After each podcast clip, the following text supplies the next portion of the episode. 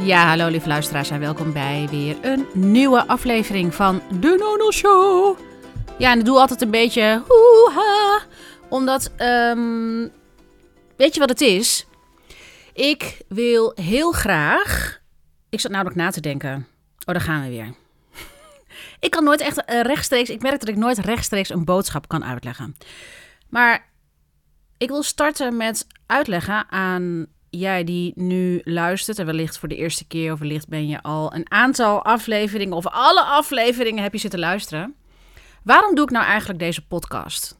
En waarom op deze manier? Kijk, het is niet zomaar. Hè? Ik heb daarover nagedacht dat ik de Nonons show en ook Nonons, dat, is een, dat heeft een reden. En ik ga je dat in deze podcast uitleggen. En dan ga ik uiteindelijk ga ik het hebben over de relatie tussen persoonlijk leiderschap en ontwikkelingstrauma. Nou, je hoort het al, persoonlijk leiderschap en ontwikkelingstrauma. Kijk, ik heb een expertise. Ik ben tien jaar coach. Ik heb een opleiding gedaan, rebalancing lichaamswerk. Uh, dit is inmiddels twaalf jaar geleden. Dus ik heb eerst die opleiding gedaan. Daarna mijn eigen praktijk gestart. Eerst met lichaamswerk, omdat dat mijn, um, mijn uh, hoe moet je dat zeggen? Mijn métier, mijn vak was. Waarin je eerst echt je eigen persoonlijk proces doormaakt. Want als jij um, niet zelf door dingen kan heen navigeren of kan voelen of ruimte ervoor hebben, kan je andere mensen ook niet begeleiden. Kijk, ik, en het zijn allemaal dingen mijn werk is behoorlijk serieus. Mijn werk is best. Um, het gaat allemaal over gevoel. Het gaat over onverwerkt gevoel. Het gaat uh, over uh, psychologie. Het gaat vooral over dat ik altijd de bron opzoek van wat mensen blokkades noemen. Waardoor uh, het leven niet helemaal lekker loopt. Waarom je business niet lekker loopt. Um, en ik moet zeggen dat na tien jaar dat werk, dat ik behoorlijk. Nou ja, ik was niet afgepeigerd, maar ik dacht wel. Jezus, het is de hele dag serieus. Maar. Toen heb ik een paar maanden eens zitten. Nou ja, ik heb een aantal. Ik heb gewoon een tijdje geen klanten aangenomen. En ik dacht, ja, is dit wel wat ik wil? Want ik ben een soort van therapeutische coach. En mensen komen altijd met: ik wil van dit gevoel af. Ja, en ik dacht telkens, ja, dit gevoel, dat heeft een informatie. Uh, en die informatie die wil graag gevoeld worden in je lichaam. Maar voordat we daar zijn, dat duurt gewoon een tijdje. Want er is heel veel weerstand om nou ja, pijnlijke gevoelens te ervaren. Maar om, ik zal straks wat meer over daarover vertellen. Want het ligt veel genuanceerder dan dat. Um, maar ik wilde niet meer een therapeut slash coach slash begeleider zijn die mensen laat voelen alleen om het voelen. Ik vind het heel belangrijk met de geschiedenis die ik heb. En als je nu voor het eerst intunt. Ik heb zeven jaar geleden kanker gehad. En dat heeft mijn hele, ja, mijn hele levensview, mijn hele wereldview, mijn, mijn, mijn, hoe ik naar het leven kijk, heeft het helemaal veranderd. En bij sommige dingen dacht ik echt: Jezus, doe niet zo ingewikkeld, weet je. Um, en ook als klanten kwamen, heel eerlijk, soms dacht ik echt, wat doe je ingewikkeld? En ik heb mezelf voorgenomen, als ik dit werk ga voortzetten, dan ga ik dat eerlijk zeggen. Omdat een van mijn kwaliteiten is dat ik juist niet ingewikkeld ben en niet ingewikkeld doe, omdat ik in de loop der jaren dus heb gezien en gevoeld en ervaren. En waarschijnlijk is het ook een soort kwaliteit van mij dat ik ik hou van lichtheid. Ik hou van gemak. Ik ga absoluut ongemakkelijke dingen niet uit de weg. Maar ik maak het niet ingewikkelder dan dat het is, omdat ik altijd bereid ben om te ervaren en te voelen wat het is. En ik ga niet in mijn hoofd in allerlei verhalen zitten. En als iemand mij daarop attendeert, dan uh, luister ik daar heel graag naar. Want ik weet hoe langer je in je kop blijft hangen met allerlei ideeën en verhalen en dingen benoemen, dat houdt je allemaal weg van het voelen wat nodig is om bepaalde aanhalingstekens, blokkades te, um, ja, op te lossen, verwijderen, los te laten. Noem het op wat je, hoe je het op wil noemen. Ik weet ook dat ik inmiddels echt gewoon een soort van therapeutisch jargon in een therapeutisch jargon praat. Waar mensen denken, hè, wat heb jij het daar weer over? Waar zijn en je kracht staan, nou ja, al dat geneuzel. Dus ik had zoiets van, weet je wat, ik wil niet meer ehm, een therapeut slash coach zijn waar mensen naartoe komen en dat hun probleem is opgelost. Ik wil graag mensen begeleiden die inzien dat de sleutel van hun uitdagingen en hun groei, dat het in hun zelf ligt. En ik ben degene die mensen daarvan bewust kan maken en ook de tools kan aangeven om te leren voelen. Want het zit hem in het gevoel wat we hebben geblokkeerd. Pijnlijke gevoelens in het verleden. En ik wil graag plezier en gewoon nog kunnen lachen. Ook al ligt iemand. Niet dat ik, als er een klant is die heel erg aan het huilen is. Uh, en heel veel verdriet heeft. Maar ik ga niet mee in de serieusheid. Dus daar heb ik echt wel een jaar. Dat was eigenlijk mijn eigen beperkende overtuiging. Ik dacht altijd, ik moet heel serieus zijn als coach. Um, om mensen te begeleiden in persoonlijk leiderschap. Om mensen te begeleiden um, om naar hun gevoel te gaan. Zodat ze de A tussen aanhalingstekens blokkades. Ik hou namelijk helemaal niet van dat woord. En ik ga je zo uitleggen waarom. Dus daarom probeer ik altijd, of probeer. Ik vind het belangrijk dat er humor in zit. Ik vind het belangrijk dat er lichtheid in zit. Ik vind het belangrijk dat we met perspectief kijken naar dingen. En dat je eigenlijk kan kijken: dit gedrag, ja, wat ik nu vertoon, of die uitdagingen die ik heb. Ja, weet je, je hoeft ze niet, je moet ze niet te serieus nemen. En dat doen we nogal eens. Ehm, en dat helpt eigenlijk helemaal niet. Dat hele serieuze gedoe, dat helpt helemaal niet om een situatie of jezelf te transformeren. En ik ben altijd heel voorzichtig met die woorden, want, nou, dan kom ik even met mijn uh, levensfilosofie of met de filosofie over. En dan ga ik misschien het hebben, ja, dan ga ik het hebben over de relatie tussen persoonlijk leiderschap en ontwikkelingstrauma. Ik kom er dus achter, kijk, ik heb een opleiding gevolgd drie jaar lang, waarin we getraind werden om te voelen. Dus wij zelf als rebalancers, lichaamswerk, rebalancing lichaamswerk, dat is een methodiek. Uh, dat is um, um, uh, ontstaan in de ashram van Osho, de Bhagwan. In de jaren zeventig, ho ho. Voordat je denkt dat is een of ander sectarisch gebeuren. Um, dat is de, de blik, de, het perspectief van buiten. Uh, er, zit, er waren absoluut geen goede dingen aan de hand. Maar er zijn heel veel goede dingen uitgekomen. Waaronder rebalancing lichaamswerk. Dat ervan uitgaat dat je van het hoofd, van het denken, naar voelen gaat, naar zijn. Oké? Dus dat zijn, dat is echt vanuit je ziel, vanuit aanwezigheid, vanuit iets wat groter is dan alleen maar je fysieke uh, systeem. En drie jaar lang heb ik in een opleiding gezeten waarin het hoofd er niet toe deed. Nu achteraf denk ik, my god, dat is ook een bepaalde methodiek. Want um, nadenken, in je hoofd zitten, dingen begrijpen. Ja, dat. We wisten bijvoorbeeld helemaal niet wat het programma was. En dat vind ik ook helemaal niet zo erg.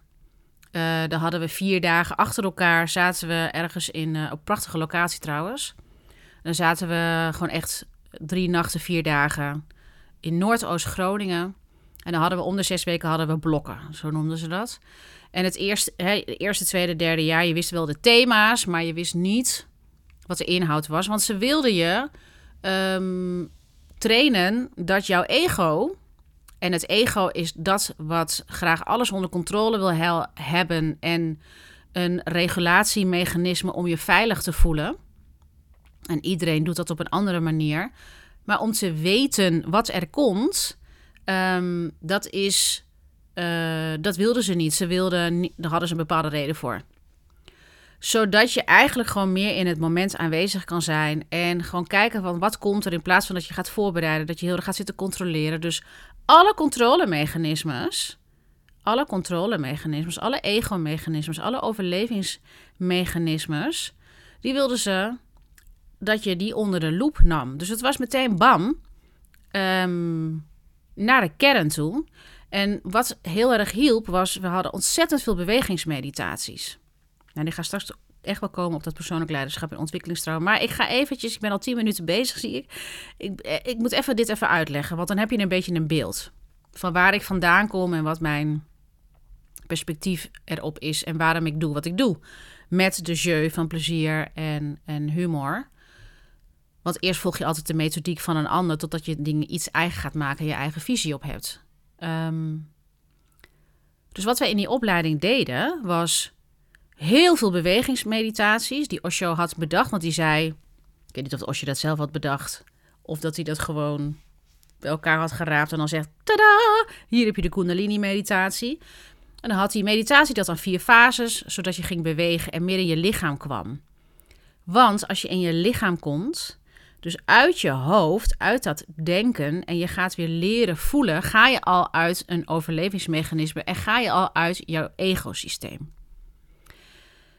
Wat je tegenkomt is ontwikkelingstrauma en ander trauma. Nou, weten heel veel mensen niet het verschil tussen trauma en ontwikkelingstrauma. Iedereen op deze aardkloot, echt iedereen, heeft ontwikkelingstrauma. Iedereen, want dat is onderdeel van mens zijn. En aan de ene kant, ligt maar hoe je het bekijkt, kan het heel tragisch zijn dat je zegt, maar waarom zijn we nou beschadigd? Na mijn dertigste of mijn veertigste ben ik die schade, als het goed gaat, ben ik die aan het oplossen, aankijken. En anders dan koop je een, uh, een, vet snelle auto en uh, ga je met een jongere vrouw trouwen. Nou, dat soort midlife crisis-achtige dingen. Je trauma, je ontwikkelingstrauma, uh, komt weer terug als in dit werkt niet meer voor mij rond je veertigste. Dan is dat harnas van allerlei overtuigingen die je hebt in jezelf, in je hoofd. Um, gevoelens die je niet hebt willen doorvoelen en kunnen doorvoelen als kind, die komen eigenlijk allemaal naar voren.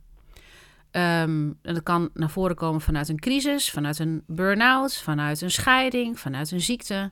Noem het allemaal op. Uiteindelijk, ik heb het echt heel vaak zitten onderzoeken. Voor mij, om het heel simpel te maken, is als er iets niet lekker loopt, of je wordt ontslagen, of je business loopt niet lekker. Dat heeft allemaal te maken met die uh, overlevingsmechanismes slash ontwikkelingstrauma. De eerste zeven jaar van je leven word je opgevoed als een hulpeloos... Je bent een... Wacht even. Je... Je... Je... Um, je wordt geboren als een hulpeloos wezentje. En wij zijn nestblijvers als mensen. Kijk, als bijvoorbeeld een zebra of een een olifant. Die zijn ook hulpeloos, maar die kunnen eigenlijk al meteen staan. Dus je hebt het verschil in biologie tussen nestblijvers en nestvliegers. Nestblijvers, dat zijn wij. Wij kunnen helemaal niks als baby. We zijn overgeleverd aan onze verzorgers. En het enige wat wij kunnen doen is geluid geven of geen geluid geven of nou ja, een bepaald gedrag vertonen.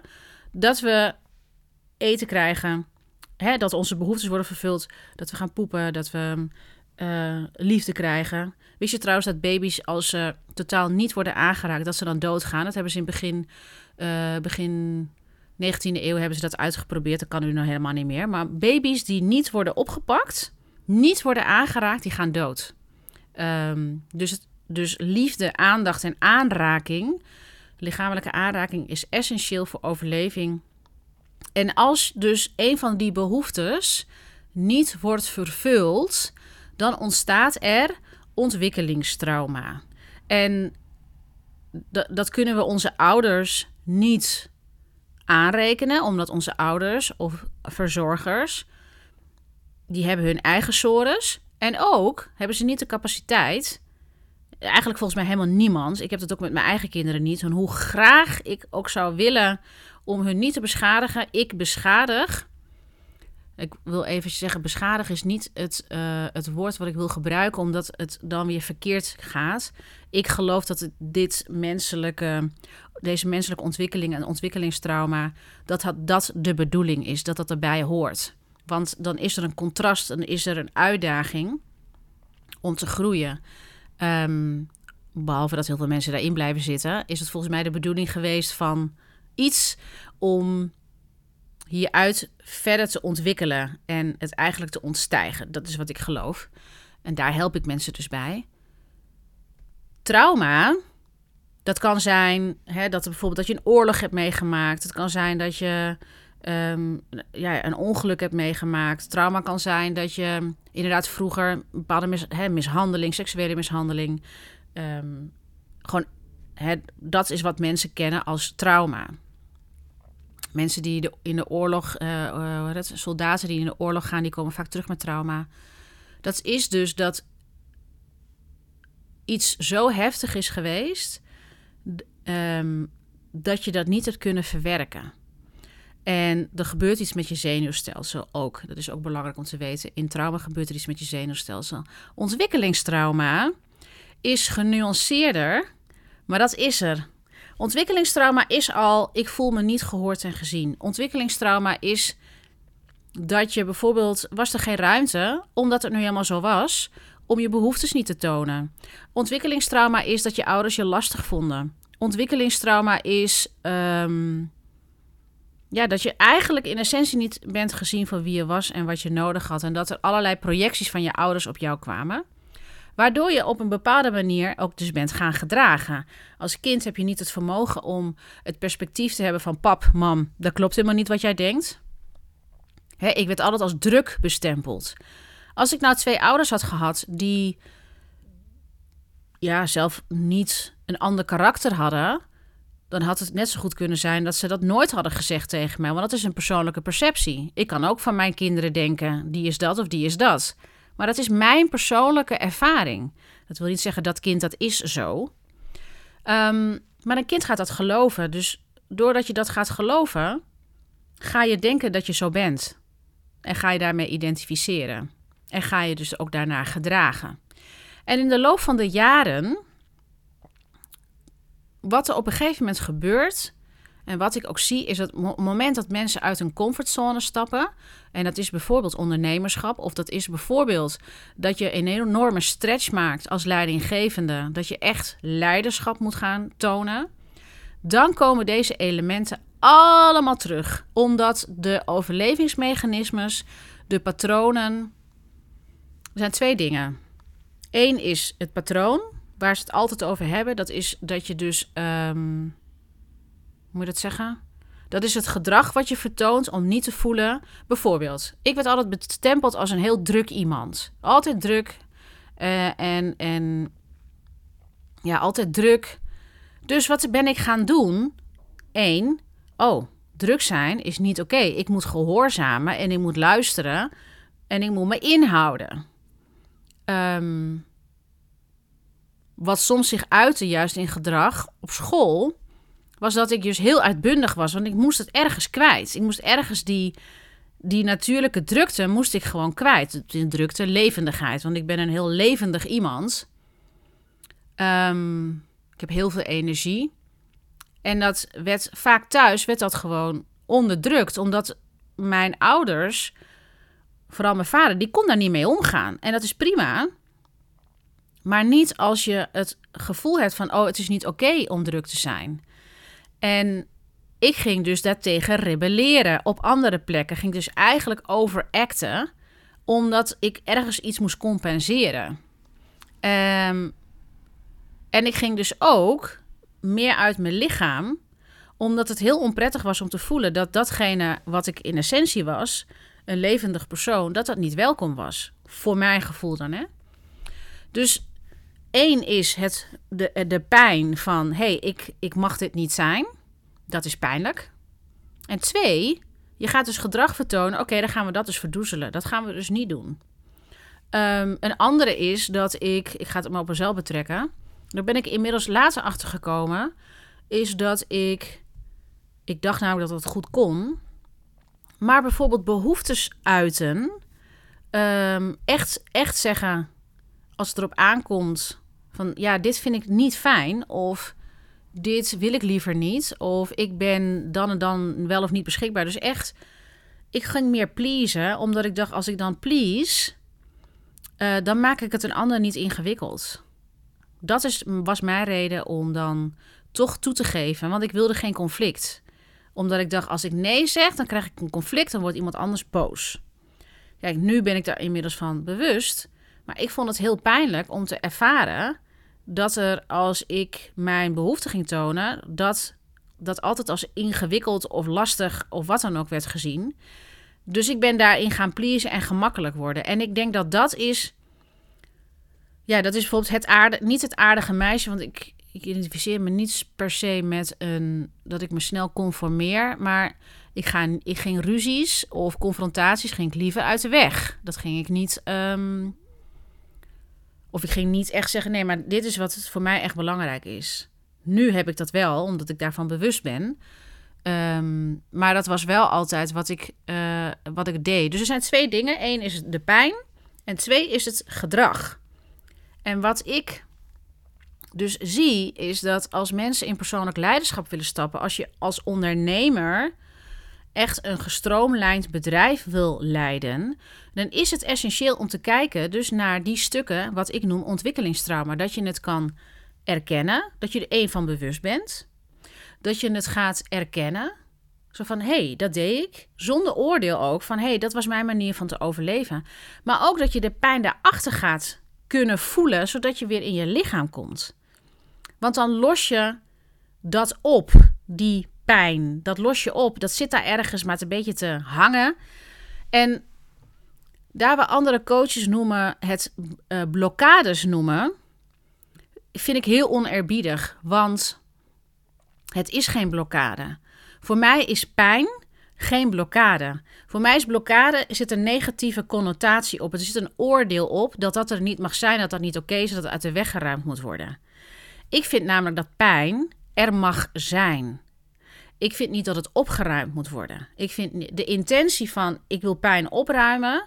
Pijn wil helemaal niet opgeruimd worden. Pijn wil gezien worden. En het is een onderdeel van jezelf. Um, dus waarom zou dat weg moeten? En het gaat hier echt om de intentie erachter. Het is uiteindelijk zo dat het oplost, maar niet omdat het ongewenst is. Want pijn voelt zich als pijn. Stel dat pijn een autonoom iets is. Dan heb ik het over emotionele pijn. Het wil graag doorvoeld worden. Het wil graag erkend worden. Het wil graag gezien worden. Het wil liefde en aandacht. Daarom hou ik er niet van om dit soort dingen blokkades te noemen. Ik vind het belangrijk om pijn te bevrienden. En ik ben wetende hoe die mechanismes werken, vind ik het heel belangrijk om de juiste woorden ook te benoemen. En omdat de intentie achter. Kijk, pijn en onverwerkt verdriet of onverwerkte boos, onverwerkte emoties en gevoelens, die zijn super sensitief. Super gevoelig. En ze voelen, ze voelen welke intentie erachter zit. Als ik met een therapeut werk of met een coach werk en die heeft de intentie om dat allemaal op te ruimen, zodat het lekker opgeruimd is en netjes en toedeledokie. Ja, dan denk ik, uh, ik, heb, ik wil graag ontmoet worden juist in mijn pijn. Niet door de therapeut, niet door de coach, maar dat ik de ruimte heb en de, het ritme, het, de tijd ervoor heb om dat te kunnen voelen en ervaren. Ik wil dat daar ruimte voor is. En ik wil ook niet dat het me door de strot wordt geduwd. Ik wil ook niet dat het geforceerd wordt. En ik wil ook niet. Dit gaat weer over mij, hè? Ik wil ook niet dat mensen het bewust gaan zitten opzoeken, omdat dat dus de sport wordt. Het is echt een kunst. En het mooie vind ik van rebalancing lichaamswerk is, het gaat er altijd over, het mag er helemaal zijn alles. Weerstand mag er zijn, gevoel mag er zijn. En dat is ook wat ik in algehele uh, houding heb in het werk als ik mensen begeleid. Ik vind het altijd belangrijk om mensen te helpen herinneren. Alles wat je ervaart mag er zijn. Neem er de tijd voor. Neem de tijd om dit te kunnen integreren. Neem de tijd om het te ervaren. En ik had laatst had ik een, uh, een, uh, een situatie met een coachie. En dat vond ik interessant, want de, uh, soms hebben we als mens, dus als, hè, als je in de, in de situatie van coachie zit, soms dan hebben we een soort innerlijk conflict. Dan willen we heel graag iets. Um, maar eigenlijk zegt het gevoel: nee, maar dit is gewoon echt helemaal niks. Dat gaan we niet doen, deze situatie. En ik heb een haar fijn gevoel voor als er iets nog. Dus hè, er zijn verschillende lagen altijd. Het zijn net alsof je een soort van ui afpelt. Dan hoor ik de coachie praten. En dan weet ik, er zit iets onder. En dan ga ik bevragen. En dan word ik heel erg irritant. Maar ik word irritant omdat er iets niet erkend wil worden. En vroeg of laat komt het eruit. En soms ben ik echt gewoon een pain in die ass. Want ik weet, als je het gaat zitten ontkennen... ik voel wanneer mensen het ontkennen. En ik voel ook wanneer mensen er te lang in willen hangen en zich ermee identificeren. Want je hoeft je zowel niet pijn te onderdrukken. Of um, nou ja, dat, dat pijnlijke, de pijnlijke ervaring, het ontwikkelingstrauma, dat gevoel wat niet aanwezig kon zijn in jezelf, omdat je het niet kon dragen als kind. Nu wel, en daar heb ik ook tools voor bij, uh, bij coaches. Maar je kan dus er ook te lang in willen hangen. En beide, zowel pijn onderdrukken, dus je ontwikkelingstrauma, wat onverwerkte gevoelens en emoties zijn van je jeugd. Um, en het gedrag wat zorgt om dat te onderdrukken, of juist uh, erin hangen, ermee identificeren.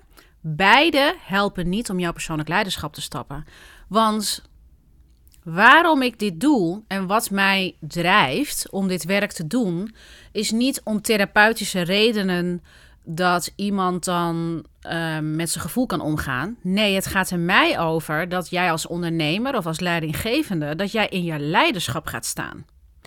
Al deze elementen zijn essentieel om in je leiderschap te staan, omdat overlevingsmechanismes niet helpen in jouw leiderschap te staan.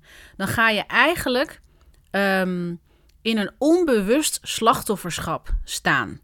En mensen die in leiderschap staan, die hebben het vermogen om niet alleen zichzelf, maar ook de omgeving, um, ik wil zeggen mooier maken, maar effectief te beïnvloeden. Stel je voor, je bent een leider op een werkplek. Dus je bent geen onder, nou, je bent ook misschien een ondernemer, maar stel je voor, je bent, uh, je zit in een bedrijf, in een bedrijfscultuur, uh, je bent in een, op een werkplek met allemaal mensen. Nou, waar mensen zijn, daar is dit allemaal aan de hand. Hè? Al die mensjes die zitten niet vanuit hun leiderschap te, um, zijn niet echt vanuit, niet altijd vanuit het leiderschap, die zijn vanuit ego-mechanismes aan het werk. Het zijn eigenlijk allemaal kleine kindjes in een volwassen lichaam die heel graag erkenning, liefde en aandacht willen. Sommigen gaan hard werken en dan krijgen ze daar de erkenning van. Andere mensen die gaan juist heel erg de aandacht zitten trekken op een andere manier. Maar mensen willen heel graag aandacht, liefde en support. Als je. En er zijn allerlei nog maar wat genuanceerdere natuurlijk uh, gedragingen in. Om een veilige werkplek te creëren, is het heel belangrijk dat je bijvoorbeeld mensen aanspreekt op um, achterklap, roddel, mensen die praten over andere mensen. En dat moet je meteen tackelen, omdat wat er gebeurt is dat we durven elkaar niet aan te spreken. Want als we elkaar aanspreken, um, ja, dan kan het zijn dat je de ander kwetst. Terwijl als je daar dus vaardigheden in aanbiedt van hoe kan je elkaar feedback geven, hoe kan je met elkaar communiceren op een manier dat je elkaar niet afkraakt, maar dat je wel helder bent en duidelijk bent. Maar daarvoor moet je als leider daar zelf wel gewoon dat je dat dus allemaal niet persoonlijk neemt en dat je dus die werkplek veilig maakt. Dat je mensen kan aanspreken, dat je mensen kan instrueren, um, dat mensen op een bepaalde manier gaan communiceren in plaats van achter elkaars rug om tegen elkaar, of nou ja, aan elkaar. Zodat je een goede, veilige werkplek hebt met mensen die, die volwassen zijn geworden en niet blijven hangen in. Uh, dat mensen meteen bijvoorbeeld zeggen: Ja, ik kan helemaal niet met die en die, die samenwerken. Of oh, ik heb zo'n vervelende klant. Ja, wat is er dan zo vervelend aan die klant? En wat doet dat met jou en wat heeft, heb jij nodig om die klant te kunnen managen? Als je ondernemer bent en je hebt klanten, dan vind ik het ook belangrijk dat je persoonlijk leiderschap hebt.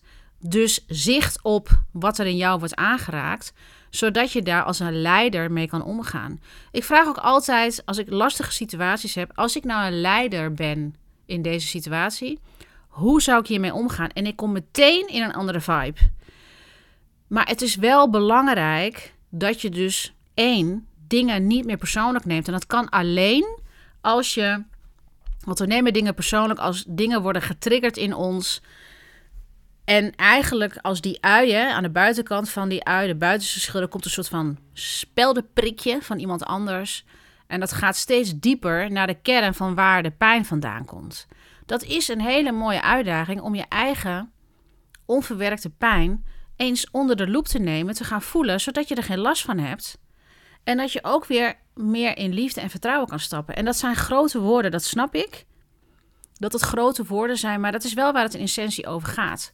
Dus ontwikkeling, de relatie tussen ontwikkelingstrauma en persoonlijk leiderschap, om het even te wrap-uppen, wrap-up de, de episode, is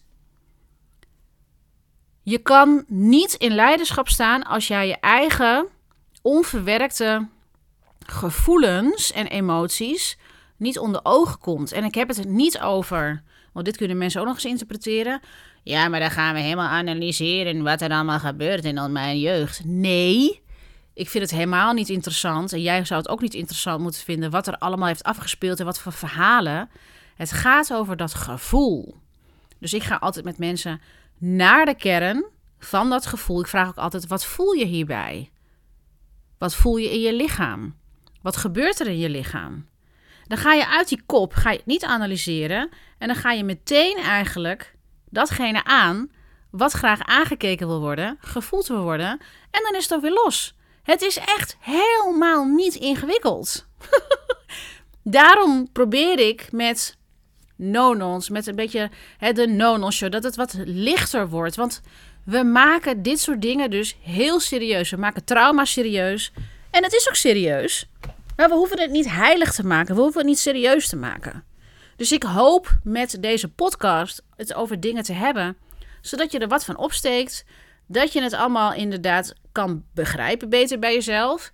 Maar ook dat je de boodschap krijgt. Trauma hoeft niet altijd zo serieus te zijn. Persoonlijk leiderschap hoeft niet serieus te zijn. Persoonlijk leiderschap is leuk. Trauma is trouwens niet leuk. Maar het is de benadering. Dankzij trouwens ook mijn ontwikkelingstrauma ben ik geworden wie ik ben. En uh, heb ik kwaliteiten kunnen ontwikkelen vanuit dat overleving, uh, vanuit dat ontwikkelingstrauma.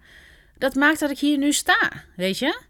Het feit als ik heel erg gepamperd zou worden, dan zou ik misschien minder veerkrachtig zijn. En zou ik niet op mijn 18e naar Spanje zijn vertrokken. Zou ik misschien veel meer angsten hebben ontwikkeld uh, om zichtbaar te zijn als ondernemer of deze podcast opnemen. Want, ja, ik weet het niet. Daar ga ik nog eens even over nadenken. Nou, ik hoop dat jullie wat aan deze aflevering hebben gehad. De relatie tussen persoonlijk leiderschap en ontwikkelingstrauma. Mocht je vragen hebben of opmerkingen, laat het me weten via Insta. Stuur me een DM. Ik ben trouwens ook heel benieuwd wat je van deze aflevering vond. Of het behulpzaam was of dat het misschien vragen oproept.